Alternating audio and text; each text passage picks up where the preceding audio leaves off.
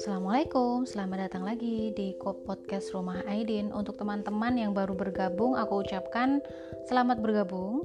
Ini adalah podcast lanjutan dari podcast parenting tentang uh, RIE atau RIE, yaitu Resource for uh, Infant Educators. Jadi uh, untuk yang session pertama itu saya sudah menjelaskan tentang latar belakang kenapa sih kok aku bisa menemukan RIE dan kenapa aku juga uh, merasa cocok ya dengan sistem ini. Dan seperti uh, yang aku bahas minggu kemarin, itu minggu ini aku mau ngejelasin tentang kelebihan dan kekurangan RAI. Karena sebelum kita menerapkan sesuatu itu kita sebaiknya tuh melihat secara lebih komprehensif ya kan nggak ada satu metode itu yang sempurna gitu dan juga uh, aku juga memahami kondisi teman-teman itu kan berbeda ya ada yang teman-teman mungkin uh, memiliki orang tua yang tinggal di rumah, jadi bersama mertua atau bersama orang tua, sehingga uh, gaya parenting yang mau kita lakukan di rumah itu nggak sepenuhnya bisa lebih bebas ya atau terserah kita gitu. Jadi uh, aku mau ngejelasin beberapa kelebihan dan kekurangan Rai.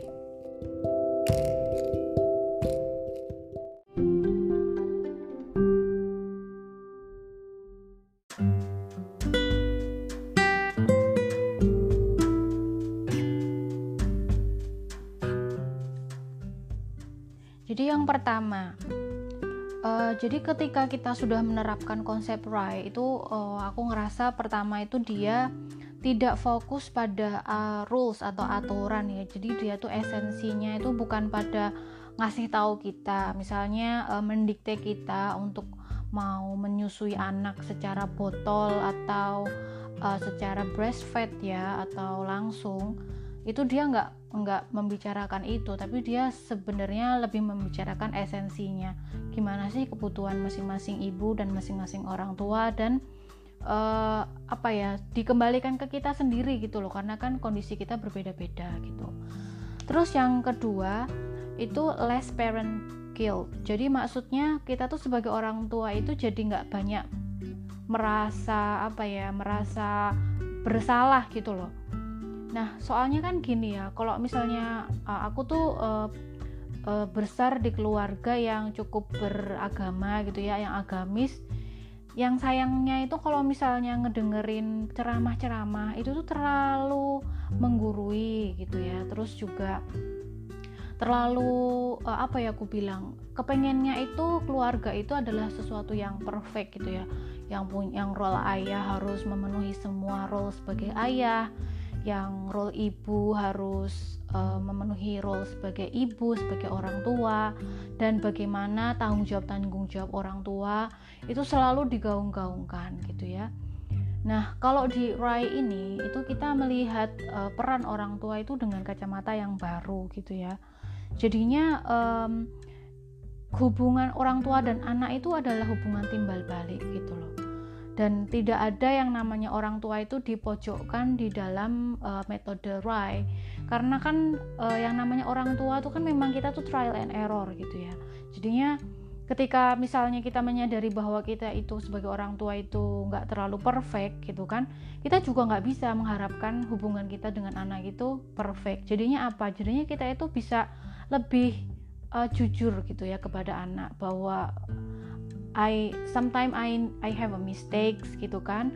Yang itu tuh akan membuat anak itu bisa berpikir lebih dewasa dan bisa menerima uh, kekurangan-kekurangan kita sebagai orang tua gitu ya. Mungkin kalau kita berpikir oh iya ya aku dibesarkan oleh oleh orang tuaku sebaik-baik apa pun itu pasti kita akan melihat gitu loh kekurangan orang tua. Nah kalau misalnya orang tua itu menyadari bahwa ya this is what we can do the best gitu kan. This is what I try the best gitu kan. Kita jadi bisa menyadari sebagai anak bahwa mereka tuh melakukan sesuatu ke kita itu udah udah yang paling bagus. Dan sebaiknya juga orang tua itu uh, apa ya jujur aja gitu loh. Kalau banyak kekurangan juga gitu.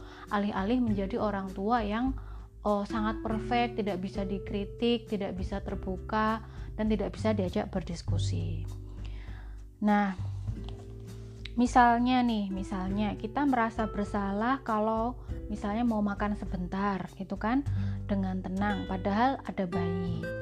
Nah itu kita itu filosofi Rai itu mengajak kita melihat role sebagai sebuah hubungan timbal balik jadi dari awal kita punya boundaries bahwa kita sebagai orang tua tuh kita harus take care ourselves juga gitu loh.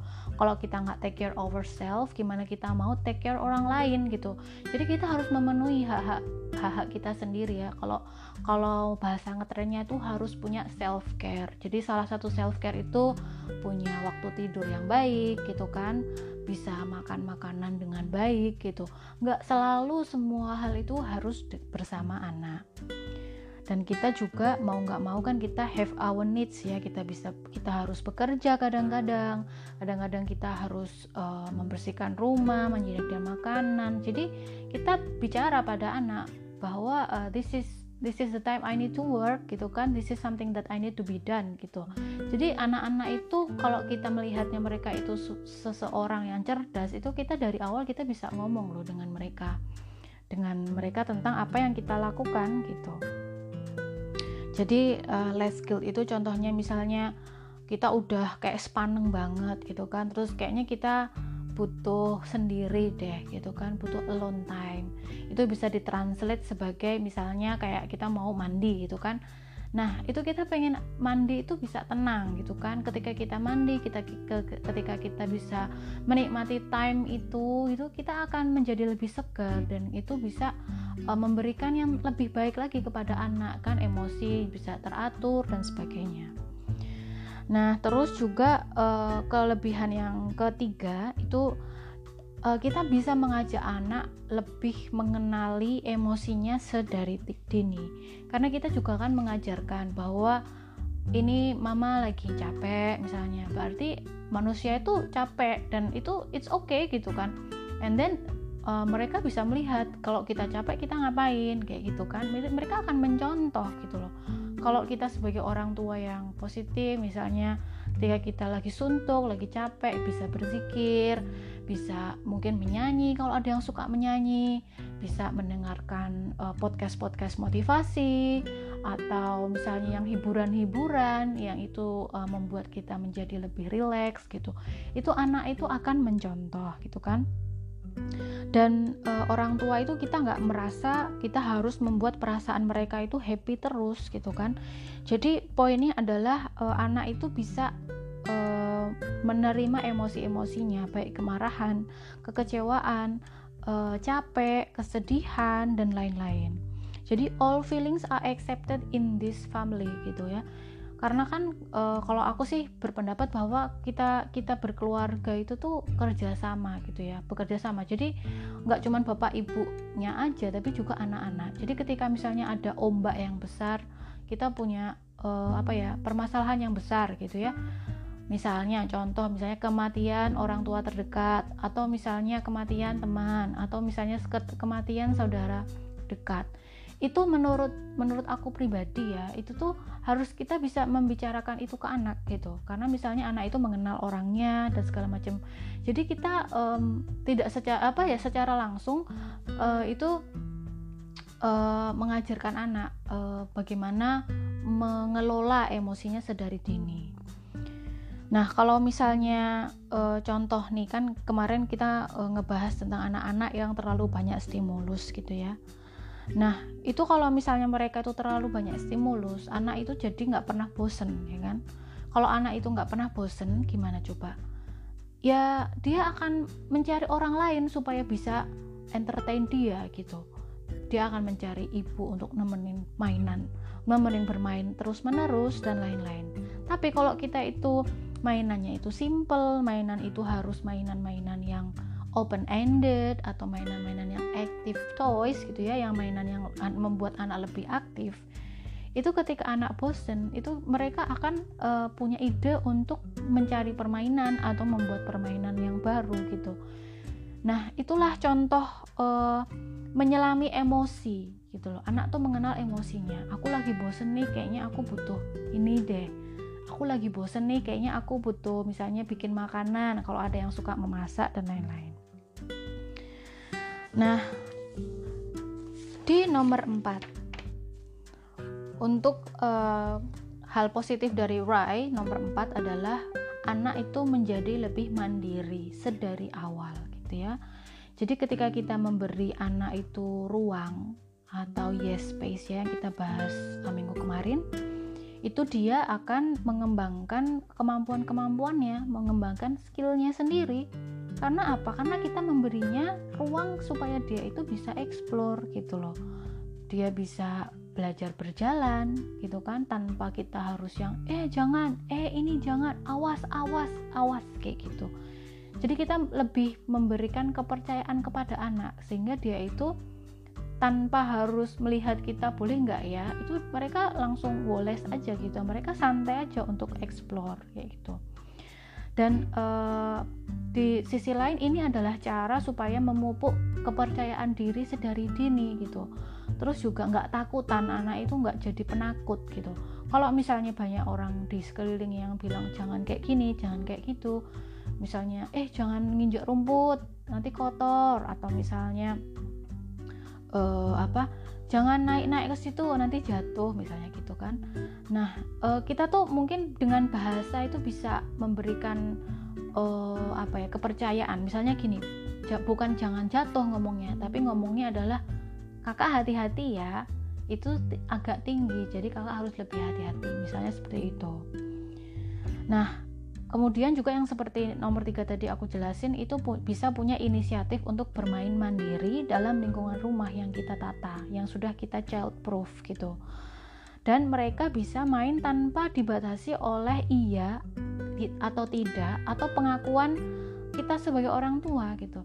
Jadi at the end of the day gitu ya ketika kita kepengennya anak itu punya inisiatif anak itu bisa follow their interest itu caranya itu dengan menerapkan RAI itu menurut aku tuh benar-benar sangat membantu gitu ya kenapa karena aku ngerasa ya um, walaupun anak aku yang pertama itu aku belum mengenal RAI tapi kan terus belajar dan belajar terus ya alhamdulillah itu aku mengenal uh, parenting, respectful parenting itu sebelum dia usianya tuh kira-kira uh, usia lima tahunan.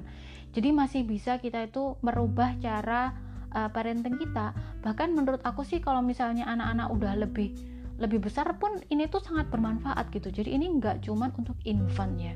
Ini tuh cuman di ini itu uh, istilahnya menurut aku pribadi itu bahkan untuk remaja-remaja misalnya punya orang tua ini misalnya orang tua yang mereka punya remaja ini tuh sangat-sangat bisa diterapkan gitu loh jadi memberikan remaja yes space gitu kan memberikan remaja ruang untuk untuk berpartisipasi, uh, berpartisipasi sebagai keluarga ikut punya andil diberikan kepercayaan itu tuh sebenarnya kalau menurut aku pribadi ya itu adalah sebuah basic needs itu adalah hal-hal yang mendasar sebagai manusia untuk uh, merasa diterima di lingkungannya, apalagi di lingkungan keluarga.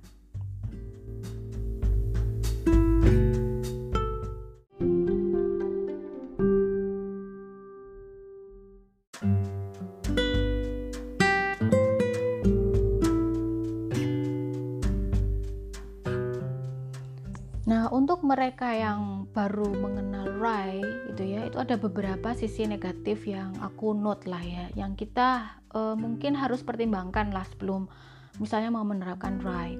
Yang pertama, kalau misalnya kita itu um, baru mau transisi ya, misalnya itu baby masih baru ya, atau masih toddler banget gitu di bawah tiga tahun misalnya batita ketika kita mau bertransisi menjadi orang tua yang menerapkan dry itu transisinya lumayan rumit. Karena kan uh, seperti yang kita jelaskan last week itu ya salah satu metode RAI itu diterapkannya adalah let the baby cry atau menerima salah satunya menerima emosi mereka termasuk ketika mereka itu uh, menangis kalau misalnya lingkungan kita di rumah itu tidak terlalu accept ya atau tidak bisa menerima anak itu menangis nah itu sangat challenging gitu.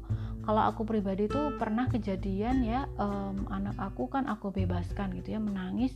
Terus pagi-paginya ada tetangga yang ngomong tadi malam siapa ya yang nangisnya? Keras banget. Nah contohnya kayak gitu. Jadi kita sebagai orang tua itu kalau misalnya kita sudah punya alasan tapi kita menerapkannya agak susah misalnya juga misalnya mertua kurang bisa uh, memahami dan lain-lain. Nah itu adalah salah satu yang harus dikompromikan gitu. Yang kedua misalnya um, teman-teman termasuk orang tua yang 100% otoriter. Nah otoriter ini maksud aku suka menyuruh-nyuruh anak harus kayak gini gini gini. Jadi mendikte ya. Kalau kalau orang itu istilahnya helikopter parenting gitu ya itu tuh akan susah karena pertama merasa role sebagai orang tua itu berkurang. Kan tadinya semuanya anak itu kilat kita ladenin ya. Jadi semuanya diladenin sama kita. Tapi ketika kita menerapkan Rai itu kita melihat orang tua itu sudah beda banget gitu loh.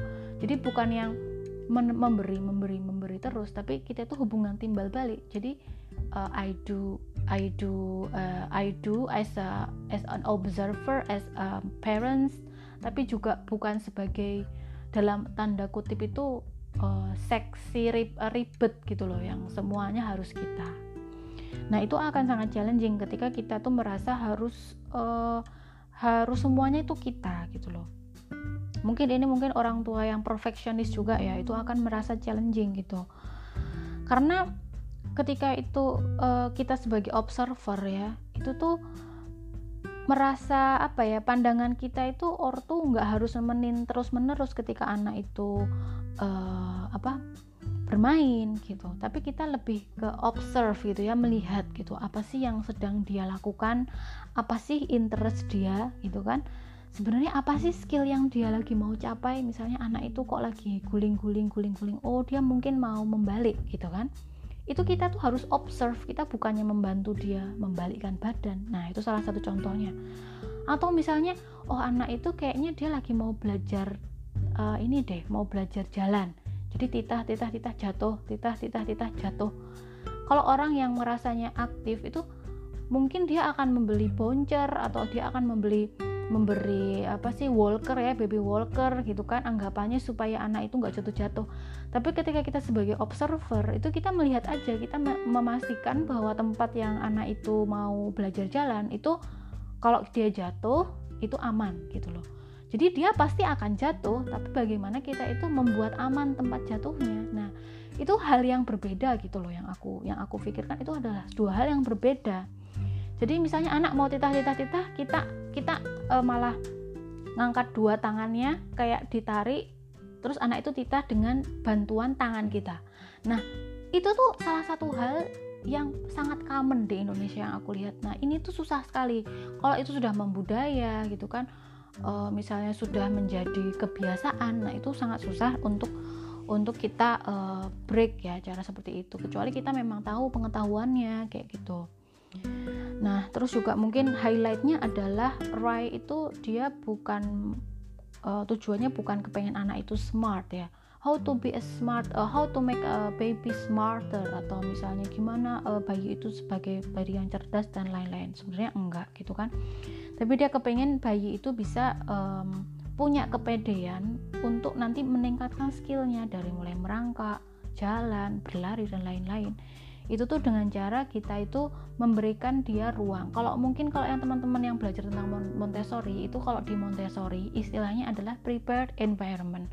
Nah prepared environment tuh poinnya itu ya ketika aku belajar Montessori poinnya apa sih prepared environment tuh poinnya apa? Nah itu hikmah-hikmah dari Montessori itu bisa kita refleksikan dengan Rai ini. Oh ternyata ketika kita memberikan prepared environment itu tuh anak akan menjadi lebih pede bisa mengeksplor, bisa bereksperimen dengan skill-skillnya itu.